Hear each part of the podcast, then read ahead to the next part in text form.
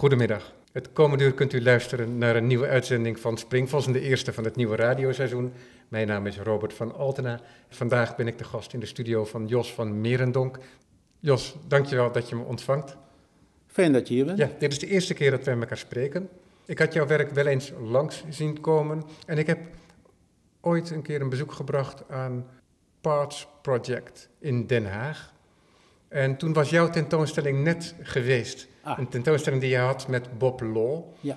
Daar had je een werk gemaakt dat een assemblage is van verschillende werken en nog niet werken. Hè, Schilderijen die niet af waren of fragmenten die je daaruit hebt eh, onttrokken. Over het werk komen we straks nog wel te spreken, maar dat was mijn eerste kennismaking met jouw werk. Dus ook met de kennismaking van het feit dat jouw werk kenmerkt en dat is dat je één kleur gebruikt en dat is een groen. Klopt. Ik gebruik eh, ehm, sinds ongeveer 1989 nog slechts één pigment, chromoxidgroen. Maar dan wel in, in zekere variaties. Eh, ik gebruik meerdere merken en daar zit een klein verschil in. En er is ook een lichte en een donkerder variant. Dus het is één pigment, maar er is veel tonaal verschil mogelijk met dat ene pigment. Ik heb het even opgezocht en het is een pigment dat in 1838 voor het eerst op de markt kwam. En in, geloof 1929 of 28 bracht Bayer AG bracht daar een synthetische versie van op de markt. Ja, dat zou goed kunnen. Jij weet Ja. meer dan ik. eh, maar het, het, het wordt eh, over het algemeen eh, als een soort industrieel groen gezien. Het is Ja. een heel dekkend, stabiel pigment. En dat is ook een van de redenen waarom ik in de jaren tachtig voor dit pigment heb gekozen. Ja, Een ja. andere mogelijkheid was Engels rood geweest. Maar mijn voorkeur ging uit toch naar dat groen, omdat het nog veel minder connotaties heeft. En wat heeft Engelse rood dan? Wat is dat precies voor kleur? Dat is steenrood. Ja, ja. Steenrood. Want Ik ben het gewoon na gaan kijken omdat ik niet heel veel over kleuren en pigmenten weet. Dus dan is het wel eens goed om Ja. wat na te slaan. En, maar wat er interessant aan is, is dat er niet eh, de hele eh, schilderkunstige geschiedenis verbonden is ook met die kleur. Dat is misschien een bijeffect voor jou Ja. geweest, maar Ja. dat is dan wel wat je kunt constateren. Ja, ja ik, ik heb verder niet zoveel met kleur. Ik heb natuurlijk van, van voor 89 gebruikte ik meerdere kleuren. Eh, maar dat vond ik eerder verwarrend, ook naar het publiek toe en hoe het publiek daarop reageerde. Eh, want het is toch altijd nog wel zo dat als je blauw en rood en geel gebruikt in een werk, dan vinden mensen het al snel mooi. Omdat die kleuren ehm, aantrekkelijk zijn of allerlei associaties oproepen.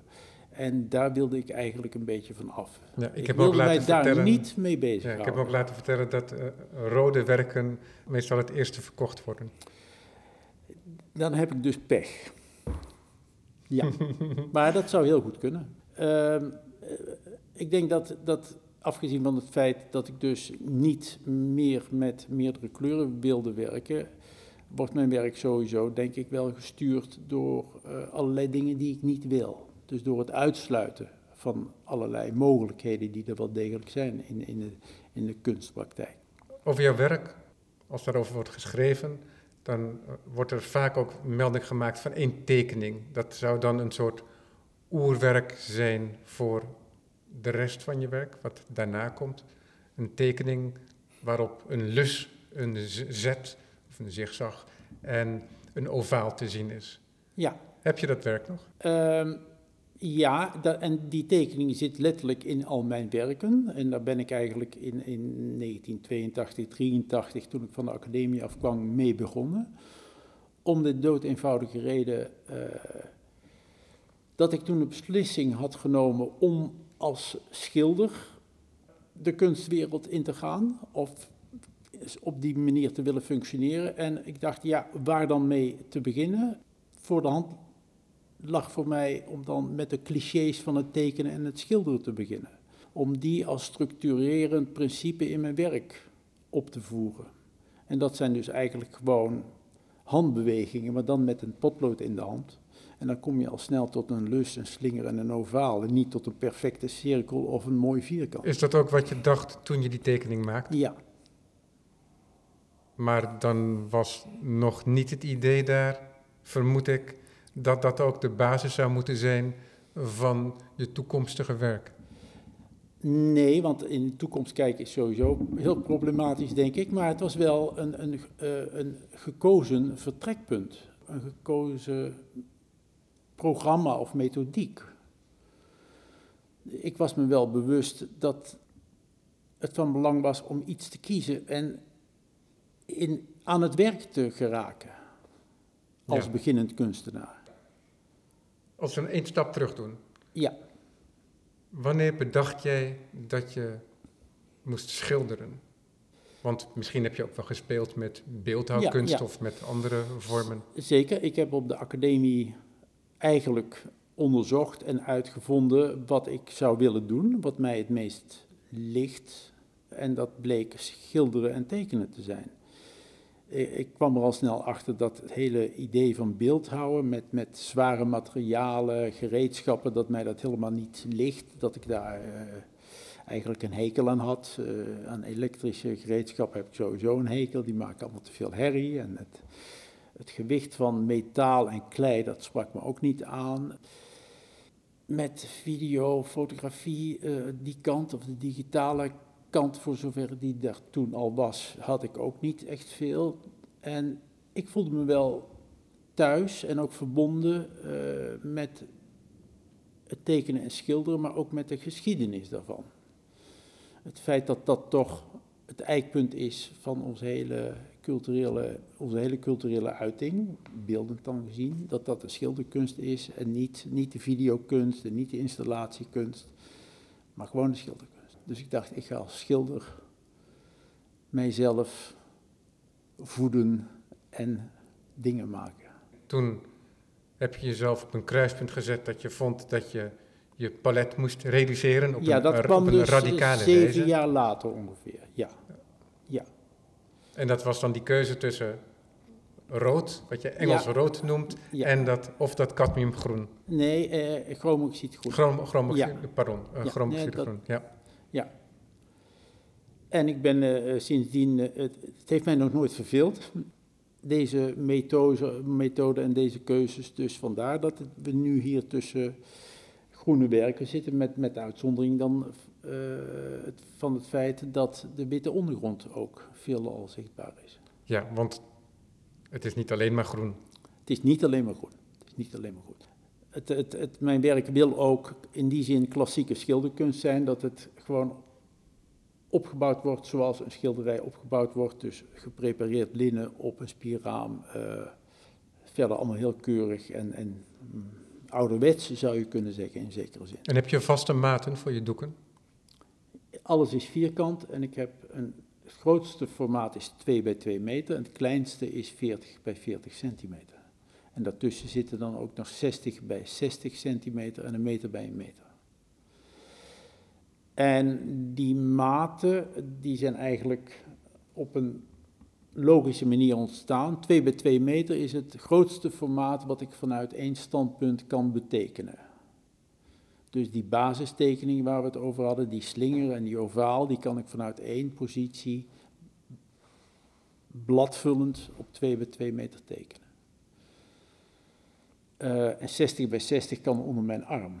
Dat is voor als je schilderijtjes wilt vervoeren op de fiets heel makkelijk. Was dat een overweging? Nou ja, dat was, eh, Dat is een consequentie. dat was een, een, een overweging en een consequentie eh, toen, ik, toen ik begon en ook op de academie zat. Ja, moet je natuurlijk voortdurend met dingen heen en weer slepen. En Ja. dan is het wel makkelijk als dat eh, niet meteen in een auto moet. Ja. En wat is het moment waarop jij die tekening met het ovaal, de slinger en de zet daadwerkelijk tot oerwerk benoemt? Want dat is een benoeming achteraf. Nou, dat is toch in de jaren tachtig eh, gebeurd. Ja. Dat is eh, ja, in de eerste helft van de jaren tachtig.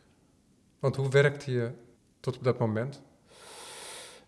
Ja, dan heb je het in mijn, ja, Je bent dan nog een hele jonge kunstenaar, denk- Ja. denk ik, en zoekend. Ja, maar op de academie krijg je allerlei dingen aangereikt en daar ga je, ga je dan in mee. Maar ik, ik kwam al snel tot de conclusie dat ik niets met afbeel- afbeeldend of narratief werk heb.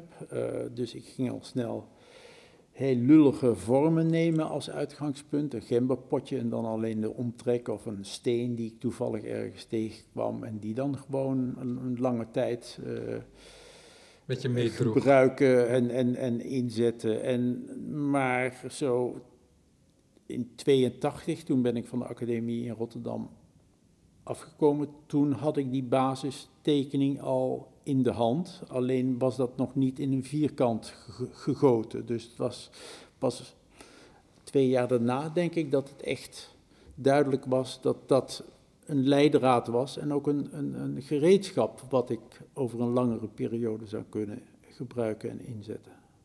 En het ontwikkelt zich natuurlijk ook. Op een gegeven moment ben ik er ook een soort geometrisch grid over gaan leggen. Dus gewoon met een lineaal een aantal kruispunten die in die basistekening gegeven waren, die eigenlijk eh, met een lineaal over te trekken, zodat er een tweede of een derde of een vierde laag kon ontstaan.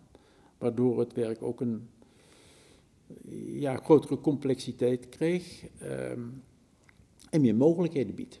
Want ja, de kunstenaar moet voor zichzelf voortdurend mogelijkheden openen om aan het werk te blijven.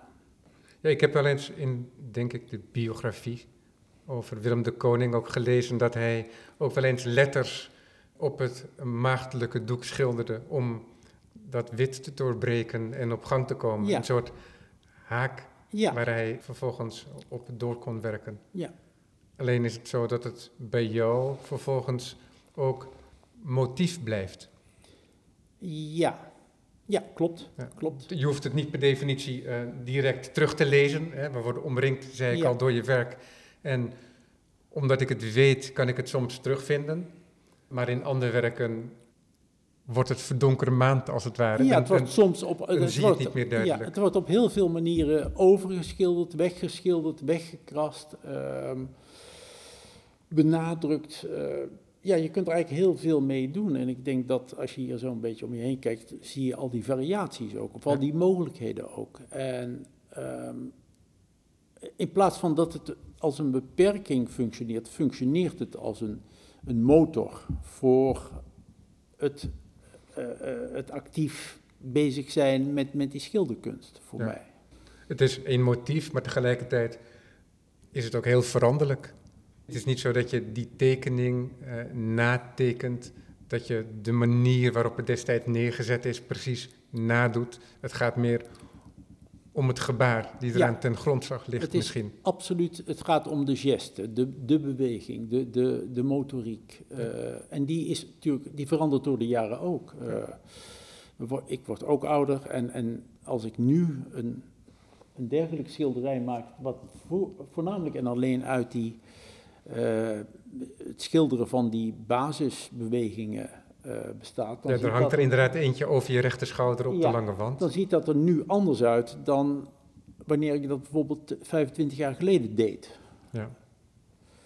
Ehm, dat heeft ook te maken met, met de, de, de- je- mijn- misschien neemt mijn motoriek af, tegelijkertijd neemt mijn ehm, be- behendigheid of vaardigheid, die neemt weer toe. Dus in zoverre is er per definitie een verandering in het werk aan de hand door de jaren heen. En wat ook een buitengewoon boeiend is, als je, laten we zeggen, zo lang werkt als ik werk, is dat je eh, een andere verhouding krijgt met het vroege werk en dat weer op een andere manier kunt, of op een manier kunt inzetten. Dus de slang bijt zichzelf in de staart.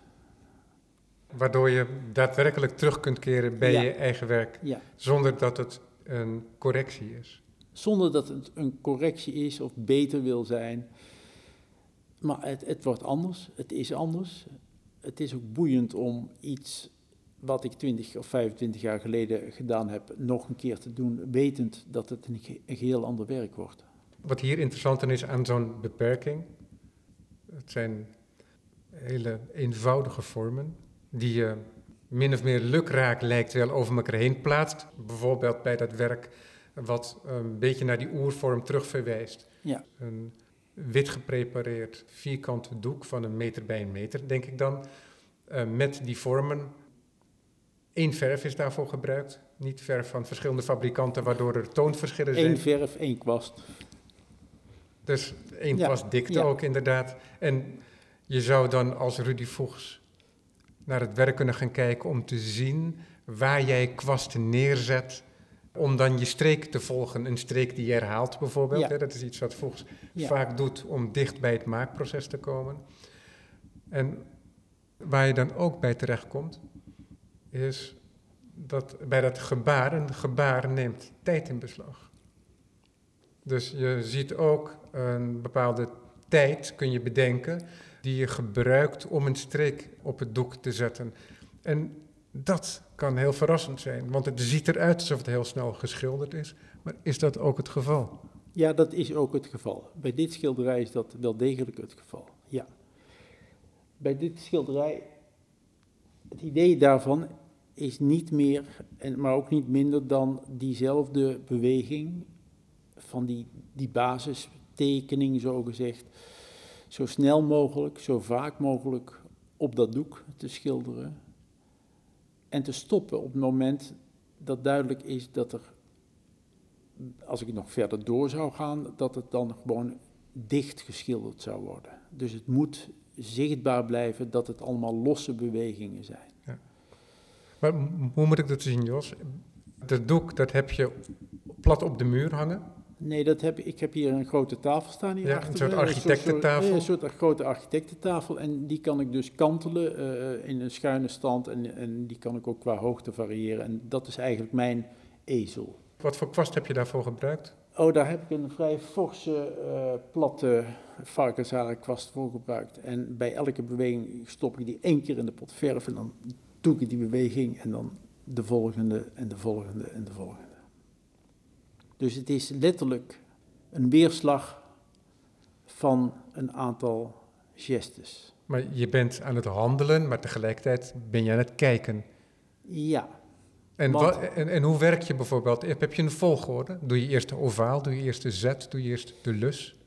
Ja, meestal begin ik eerst met, met de, eh, de slinger van linksboven naar rechtsonder en dan de ovaal en dan de zet. En dat is wel iets wat, wat En hoe zet je de zet op? Van linksboven naar rechtsonder.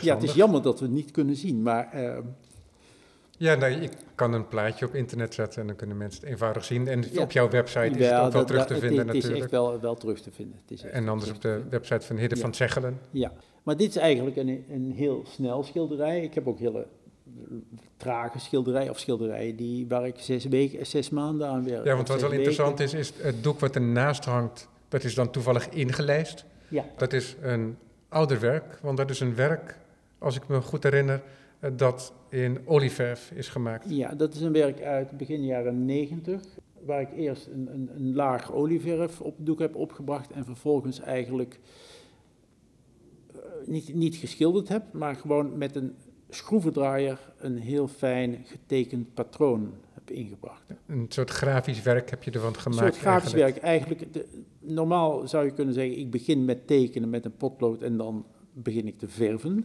En hier heb ik eerst geverfd en vervolgens getekend. Dus een, een soort omkering. Waardoor je een heel groot verschil hebt in het zien van het werk van veraf, zoals ik nu vanaf een meter of zes, of dat je er inderdaad een- dicht op staat. Ja, ja. Het is een heel fijn, een, een fijn mazig werk. Ja, en wat interessant is ook, is dat dat groen een beetje blauwig oplicht door wellicht het wit wat er doorheen eh, schijnt. Kan dat kloppen? Ja, maar dat is eh, ook het verschil tussen eh, het type verf en, en het ene merk of het andere. Het Ja, ja. ene, ene merk heeft een iets blauwere chromoxidgroen dan het andere. Ja. Dat zijn nuanceverschillen en dit is olieverf en al goed uitgehard na al die jaren. En dat heeft allemaal zo ook effecten op eh, de uitstraling van de verf. En dat ervaar je dus als, als een beetje blauwe. Jij kiest ervoor om dat gebaar als het ware centraal te stellen. En dat gebaar waarbij je dan voortdurend één motief, of eigenlijk drie motieven die tezamen Ja. één motief vormen, herhaalt. En dat doe je in een tijd waarin er een periode vooraf is gegaan waarin kunstenaars het gebaar juist helemaal hebben onderdrukt. Ja, Dat is in 1980, laten we zeggen. Kun je, Ja. Dan is het werk van Donald Judd, wat dan als een van de voorbeelden wordt genoemd. Maar je kunt ook andere kunstenaars noemen. Die gebruikt industriële materialen, ja. het liefst ook industriële formaten. Hij gebruikt de kleuren zoals ze aangeleverd zijn in het plastic wat hij gebruikt. Ja, ja dat, daar heb je gelijk in. Ik kan me nog goed herinneren dat ehm, toen ik van de academie afkwam in 82 was abstracte schilderkunst niet echt aan de orde. Er werd ook heel veel geschilderd, maar dat was doorgaans figuratief en dan wel een beetje ruig en, en, en hè, eh, jonge beeldenachtig. Dat, dat eh, speelde toen in hoge mate. Maar abstracte kunst, dat was er eigenlijk niet. Maar dat begon toen juist weer te komen. Ik ben niet, niet de enige uit die generatie. Je had ook eh, Hans Schuil en Marien Schouten, eh, die op dat moment begonnen aan hun carrière. Maar het was niet voor de hand liggend. Tegelijkertijd, ik moest, eh, ik vond de abstract expressionisten, om die groep maar eens te noemen, de Pollock en de Koning, die vond ik buitengewoon fascinerend. En ik denk dat ik ook bewust daarop ingehaakt heb op dat moment.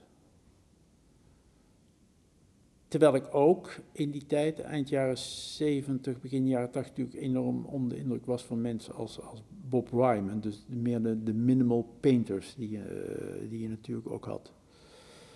Uh, maar ik vond dat die energie en die manier waarop mensen als een Polk en de Koning, die die abstracte schilderkunst weer gerevitaliseerd hadden in de jaren 50, dat vond ik wel een voorbeeld voor mij. Je noemt Robert Ryman. Ja. En dat is wel interessant, omdat er wel een parallel zit met jouw werk. Dat hij zich heeft beperkt tot wit. En dat hij dat wit op allerlei verschillende manieren is gaan onderzoeken. Hoe je Ja. dat op een paneel of op een doek, vaak paneel bij hem denk Ja. ik, eh, kunt aanbrengen. En inderdaad, met verschillende kwasten, verschillende technieken. ja. En bij hem ook inderdaad niet per definitie één motief. Dat is bij jou dus wel het geval. Het is niet zo dat alle kunst die je interessant vindt, dat je die kunt toepassen in je eigen werk. Dat is heel vervelend als jonge kunstenaar. Ja, nee, maar eh, eh, ik denk dat het ook helemaal niet eh, aan de orde was dat ik al die dingen die ik, ik, ik boeiend vond wilde toepassen. Ik bedoel, de, ehm, maar ze hebben wel hun sporen achtergelaten. En ik ben door een aantal mensen, van een aantal mensen, of het werk van een aantal mensen, was ik zeer onder de indruk. Maar andere mensen, die zul je in mijn werk misschien herkennen. Ehm, het feit dat ik heel veel gekrast heb in natte verf, dat, dat zou je aan Fontana kunnen linken. Ehm, of aan Dubuffet. Ehm, en het feit dat ik ook een aantal vrij grove en expressieve werk heb gemaakt, dan weer aan die abstracte expressionisten. Maar ik heb ook heel gecontroleerde, fijnmazige werken gemaakt die een dusdanige mate van controle hebben, eh, dat, dat je denkt van god, dat is weer een heel andere wereld. Ik, ik heb natuurlijk de afgelopen dertig jaar, net als iedereen, ehm, het was een tijd dat je uit alles en, en van, van alles en nog wat kon putten en dingen kon gebruiken en kon inzetten. Is er een moment dat je bedacht dat dat jouw werkwijze moest zijn? Die beperking van het motief, eh, reductie van kleur, het werken op ehm, vierkante doeken.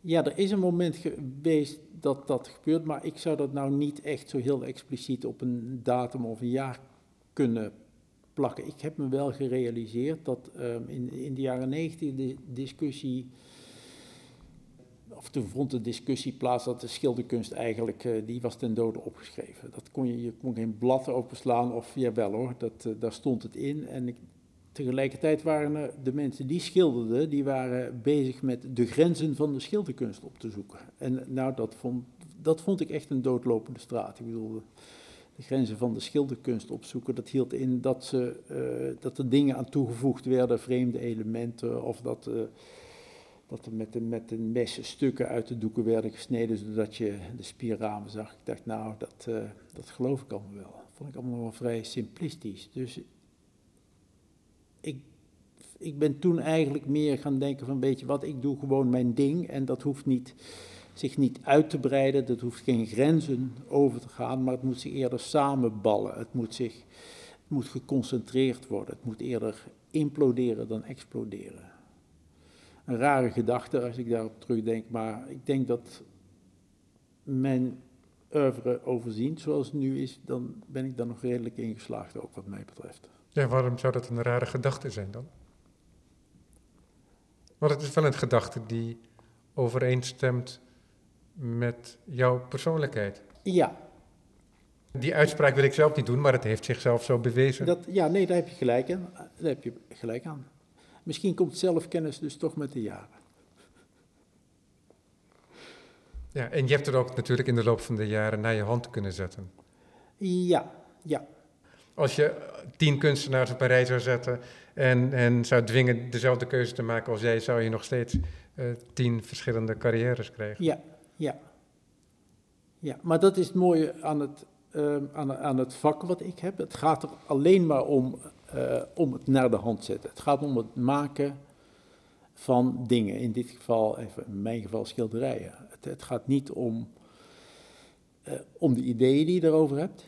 Die spelen wel een rol, die zijn ook sturend. Maar uiteindelijk, en dat is tenminste mijn idee, zolang we hier in het atelier zitten, speel ik een rol in relatie tot mijn werk. Maar op het moment dat mijn werk de deur uit is, is de kunstenaar niet meer aanwezig. En moet het werk op zich kunnen functioneren.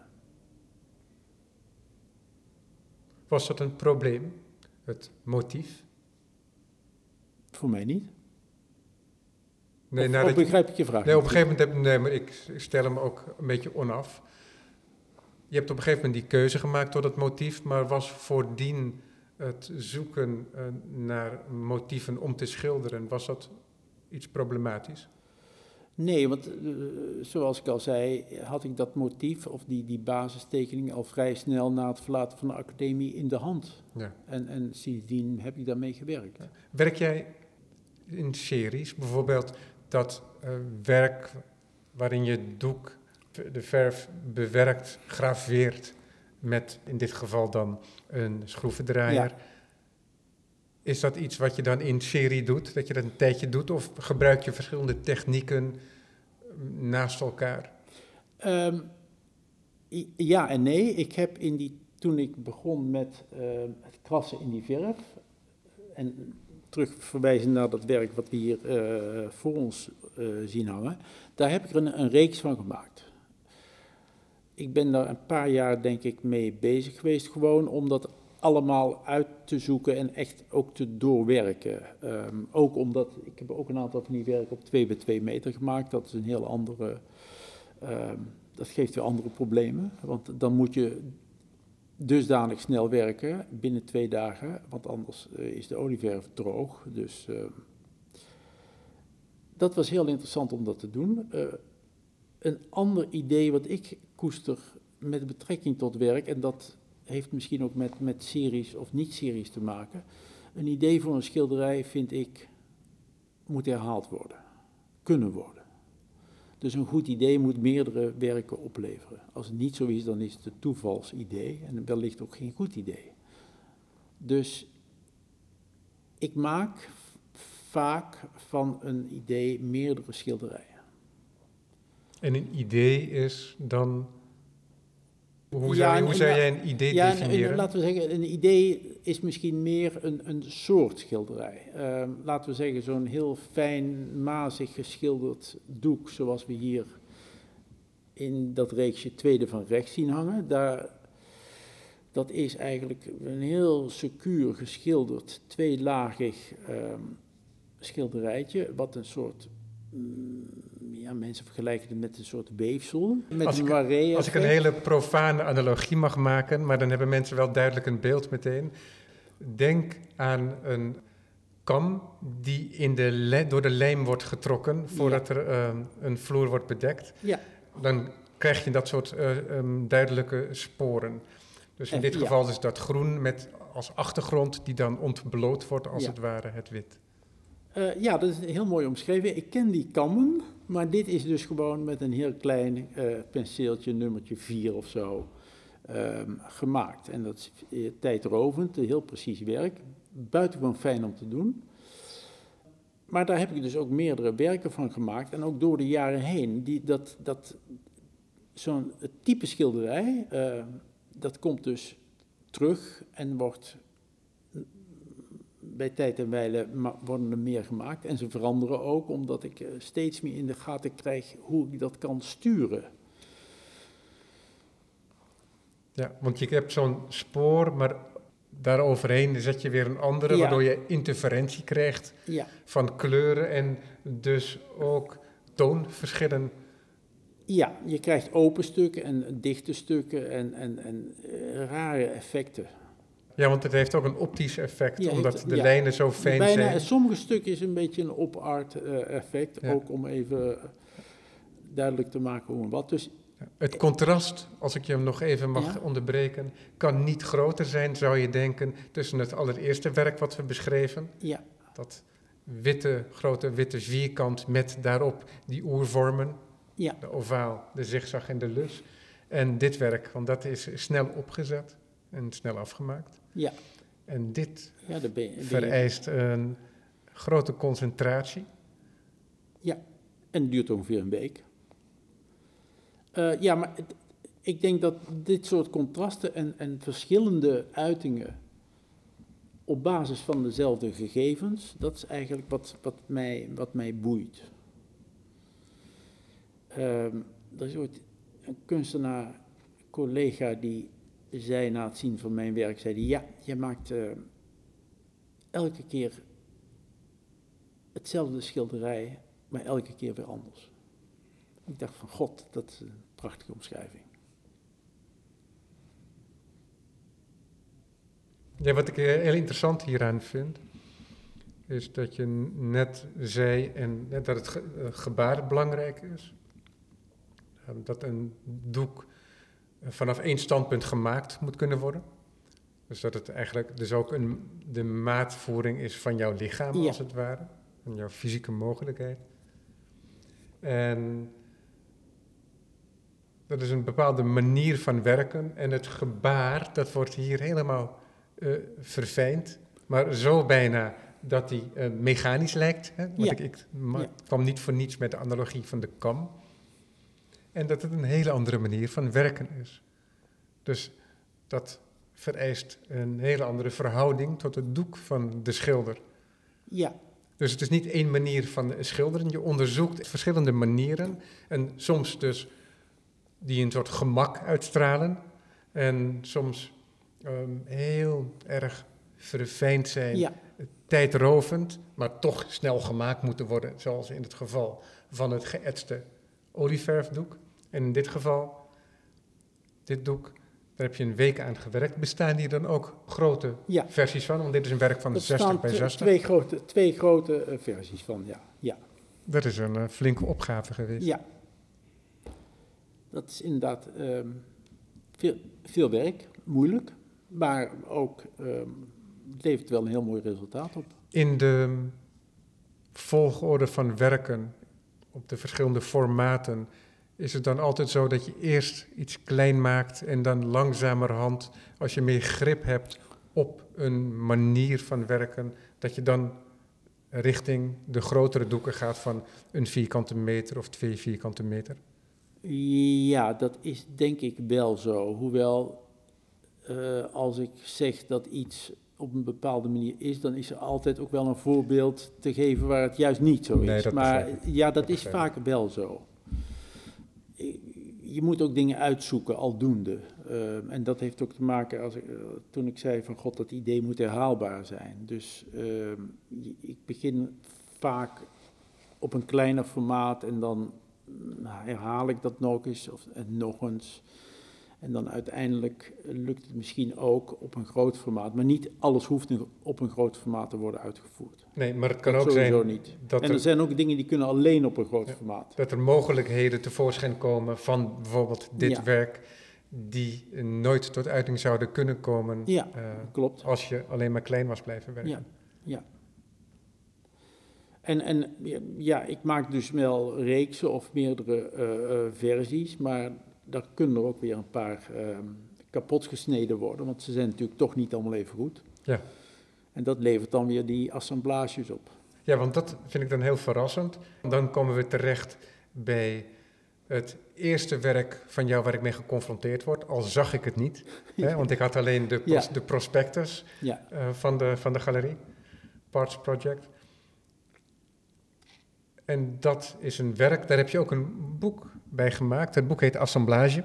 ja dat is eh, onlangs eh, dit, dit jaar eigenlijk eh, afgemaakt, klaargekomen. En ehm, dat, dat boek dat geeft eigenlijk goed weer de hele groep werken die ik als assemblages betitel. En daar speelt dus die band die ik Parts gemaakt heb een, een centrale rol in. Ja, dat is, als je de galerie binnenkomt, dat is een hele diepe galerie. Ja. En op de lange wand, Ja, links, heb je een, eh, een flink werk gemaakt. ja, 15 bij 3 meter. En dan om de hoek, dus haaks erop, hangt één grote assemblage op een mooie witte muur. Dus Ja. dat hoort wel bij elkaar. En het is een assemblage van verschillende schilderijen. Als ik het goed heb bekeken in die eh, prospectus die erbij verschenen is, was dat werk over een periode van zo'n tien jaar. Dus het oudste werk wat erin zat was 2005, Ja. het hele werk. Ja, ja, ja. en, ja. eh, en het laatste werk uit 2015. Want ik maakte het conditioneel omdat er ook flarden van andere werken in kunnen zitten uit andere tijden. Ja.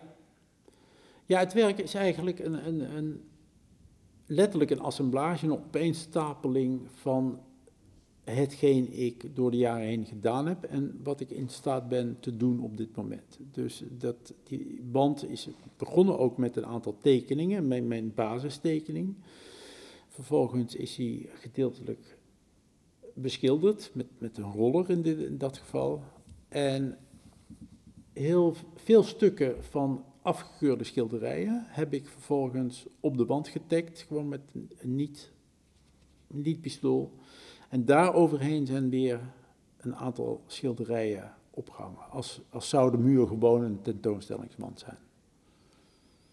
En dan gebeurt er iets wat het tegendeel van jouw werk is.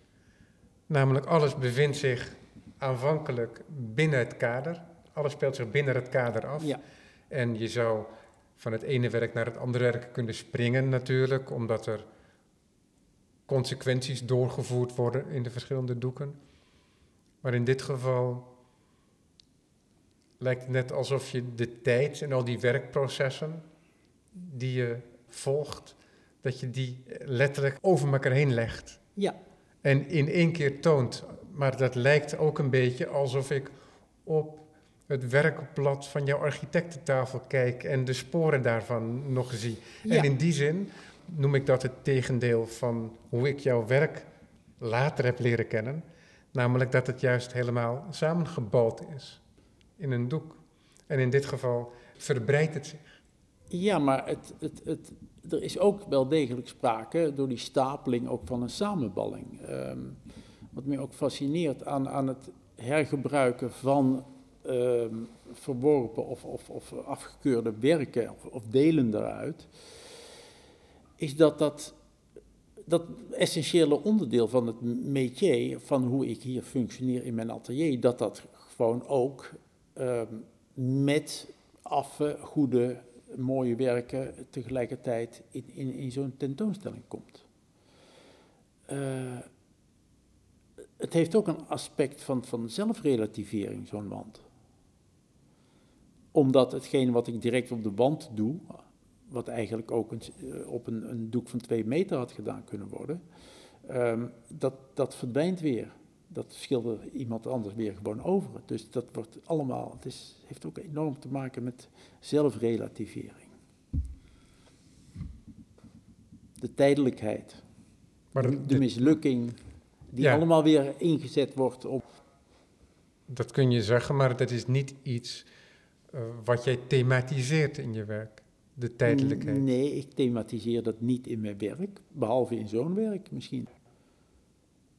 Ja. Was dat de eerste keer dat je zo'n wandvullende assemblage maakte? Nou, ik heb wel eerder zoiets gedaan, maar niet, niet zo complex eh, en ook niet van een dergelijke afmeting. Nee. Is dat nog moeilijk te controleren? Je bedoelt het, het, het maken van. Nou, nee, dat is eigenlijk helemaal niet. Want dat had ik uh, van tevoren helemaal in kaart gebracht en uitgedacht. Dus dat was zo gebeurd. Er staat op mijn website ook een, een video, ja. videootje van de, de productie ervan. Uh, oh, die zal ik dan gaan bekijken. eigenlijk heel ja. eenvoudig. Kijk, je, je kunt zoiets niet maken door uh, naar de plek te gaan en dan te gaan nadenken van wat zal ik eens gaan doen. Dus uh, dat had ik allemaal uitbedacht. Maar ook de gebaren die je maakte en ook die de, de, je aangebracht hebt op de wand. Wat ik daar tekende en schilderde, ja, ja, ja. Ja. ja. Al, alles wat eruit ziet als um, emotioneel gebaar of, of uh, spontaan. gebaar, spontaan, dat is allemaal bedacht in, in, in, in de praktijk, in mijn praktijk. Het zijn stijlkenmerken. Een, een professioneel kunstenaar schildert niet met zijn buik. Wat ik heel, echt heel intrigerend vind, is dat verschil in tijd dat je besteedt aan de verschillende doeken, voortkomend uit de verschillende werkwijzen. Ja. Dat zegt iets over jouw persoonlijkheid, denk ik ook. Een schilder die kiest toch voor een bepaald formaat, omdat dat bij hem past. Robert de Zandvliet, grote doeken, vele malen groter dan hij vanaf één positie kan ja. Uh, bereiken. Hij heeft ook kleinere werken gemaakt, maar over het algemeen is dat groot. Dat kennelijk past dat bij hem. Ik zie hem niet te snel zo fijn graveren zoals jij uh, wel eens doet. Dus in die zin is de manier van werken reflecteert op een bepaald manier de schilder. En wat heel boeiend is bij jou, is dat die manier van werken voortdurend verandert. Ja, maar het, ik denk dat dat te maken heeft met uh, het feit dat ik niet altijd hetzelfde denk, hetzelfde voel. Ik soms heb ik echt zin om iets expressiefs te doen, iets snels, iets met een groot gebaar. Um, en een ander moment heb ik behoefte om heel precies te werken. Ja. En die dingen kunnen elkaar ook uh, uh, opvolgen. Hè? Uh, als ik een groot, fijnmazig schilderij gemaakt heb en dus gewoon zes weken lang met een heel klein kwastje ben bezig geweest. En elke dag weer een stukje verder gebreid heb, om het zo maar te zeggen. Dan wil ik daarna graag uh, wat anders doen. En wat interessant is, is dat je voor jezelf de vrijheid hebt gecreëerd. De vrije positie hebt gecreëerd. Dat je dat kunt doen en dan toch werk te maken dat volledig onvervreemdbaar jouw werk is. En dat komt niet alleen door de kleur, maar ook toch door een, ook al is die werkwijze elke keer anders, toch door een bepaalde manier van doen. Ja, ja dat, is, is dat is echt een inherent onderdeel aan mijn werk. Uh, bij het maken van tentoonstellingen is voor mij ook altijd het, uh, de vraag of je zou kunnen zeggen, het probleem, laat ik een, een, een reeks gelijksoortige werken zien of kies ik ervoor om een, een, diversiteit te laten zien? Als je een hele grote tentoonstelling maakt met twaalf zalen, bij wijze van spreken, kun je, kun je daar weer mee spelen. Maar uh, doorgaans in kleinere tentoonstellingen is dat de vraag van, god, wat wil ik? Wil ik een deel of een kenmerk van mijn werk tonen of wil ik de complexiteit ja. laten zien? Jos, ik zeg zojuist, je hebt jezelf heel veel vrijheid gegeven door die keuzes. Beperking van motief, beperking van kleur, beperking van formaten en dan het onderzoek van de verschillende werkwijzen. Heb je dat ook wel eens anders ervaren? Ben je wel eens op punten aanbeland waarbij je dat niet zo kon bezien? Begrijp je goed, uh, uh, ben ik op een punt aangeland wel eens... Nee, niet nu, maar heb je wel eens gehad dat je niet het gevoel had... Dus dat je het gevoel had dat je jezelf had gepark, geparkeerd. Zo van, wat moet, wat moet ik nu wat nog nu? doen? Nou ja, dat, ik heb wel eens een, een periode gehad van een half jaar dat ik niet uh, verder kwam. En of dat nou aan het werk lag of aan iets anders, ik heb geen idee.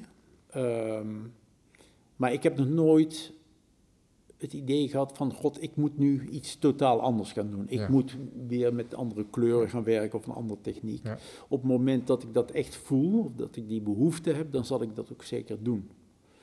Ik, en ik moet het, eh, dat, dat doe ik op het moment dat ik het niet meer leuk heb hier Je- in je het atelier. Er is altijd nog Engels rood.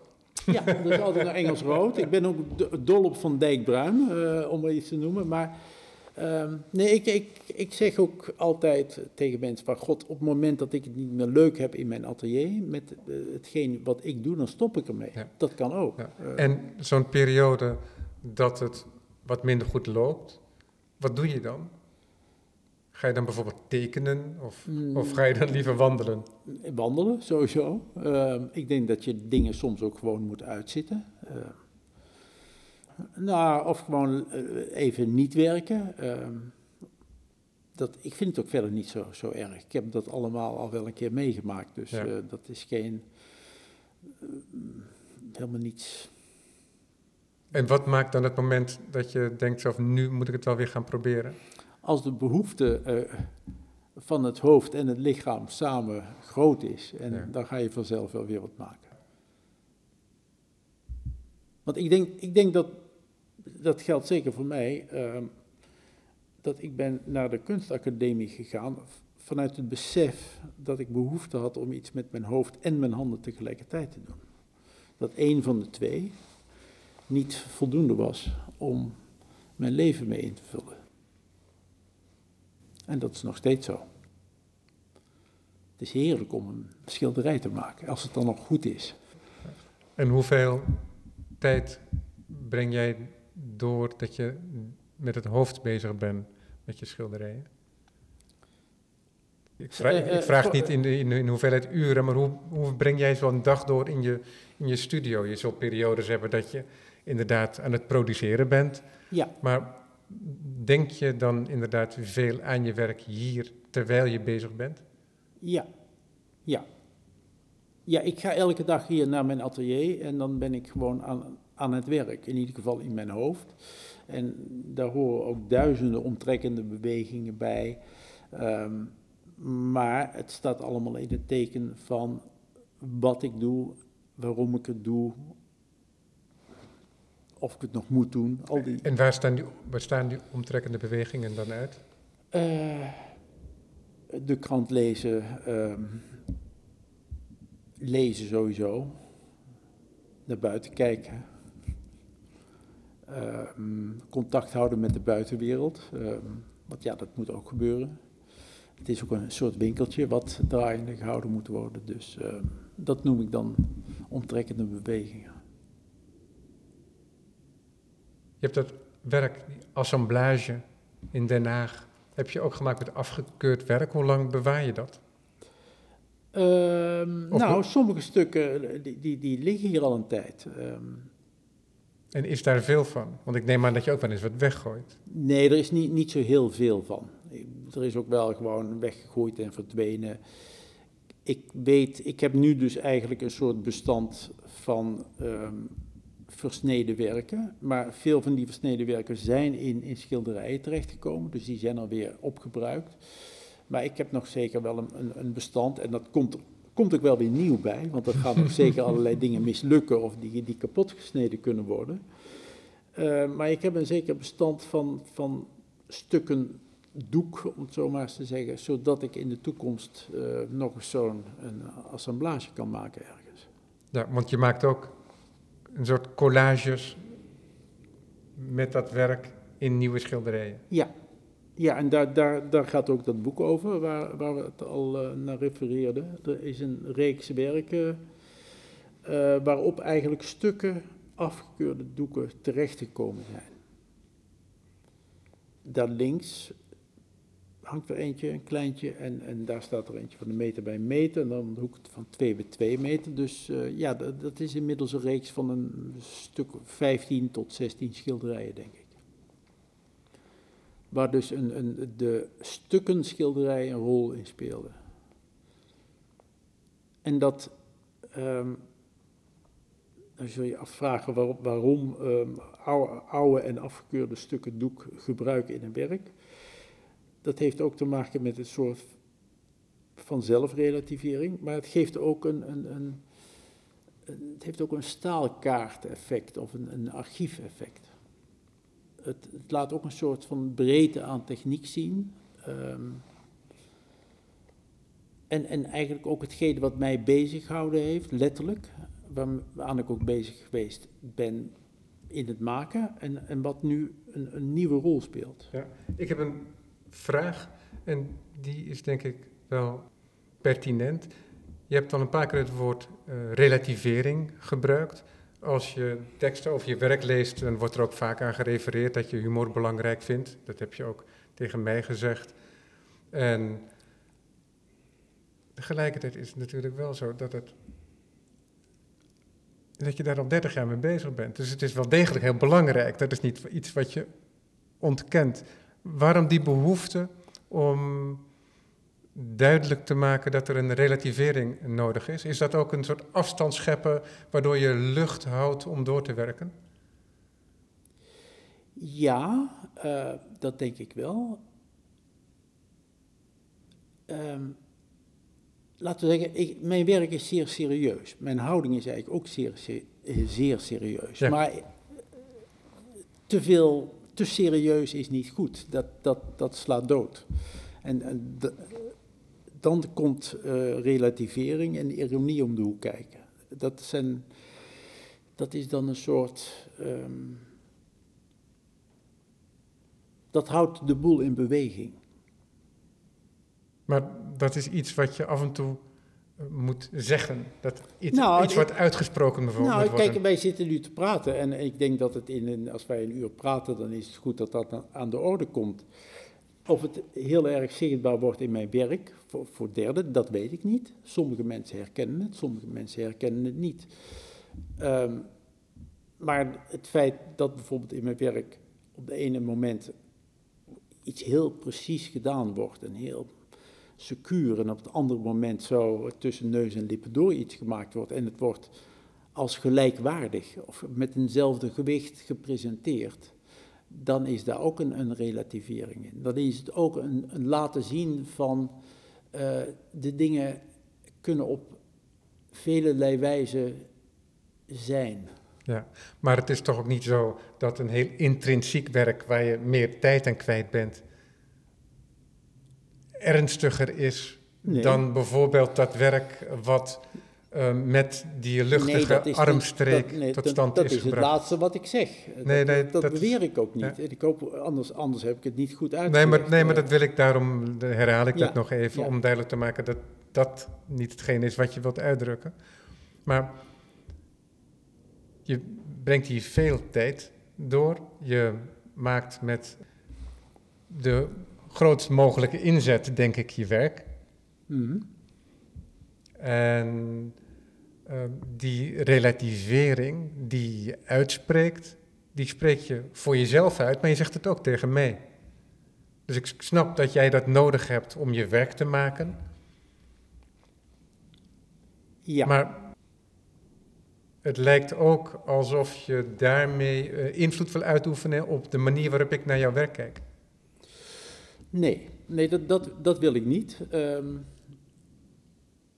want sowieso, wij zitten nu natuurlijk hier in het atelier, maar ik zei al, er is een césuur, die ligt bij de drempel van het atelier.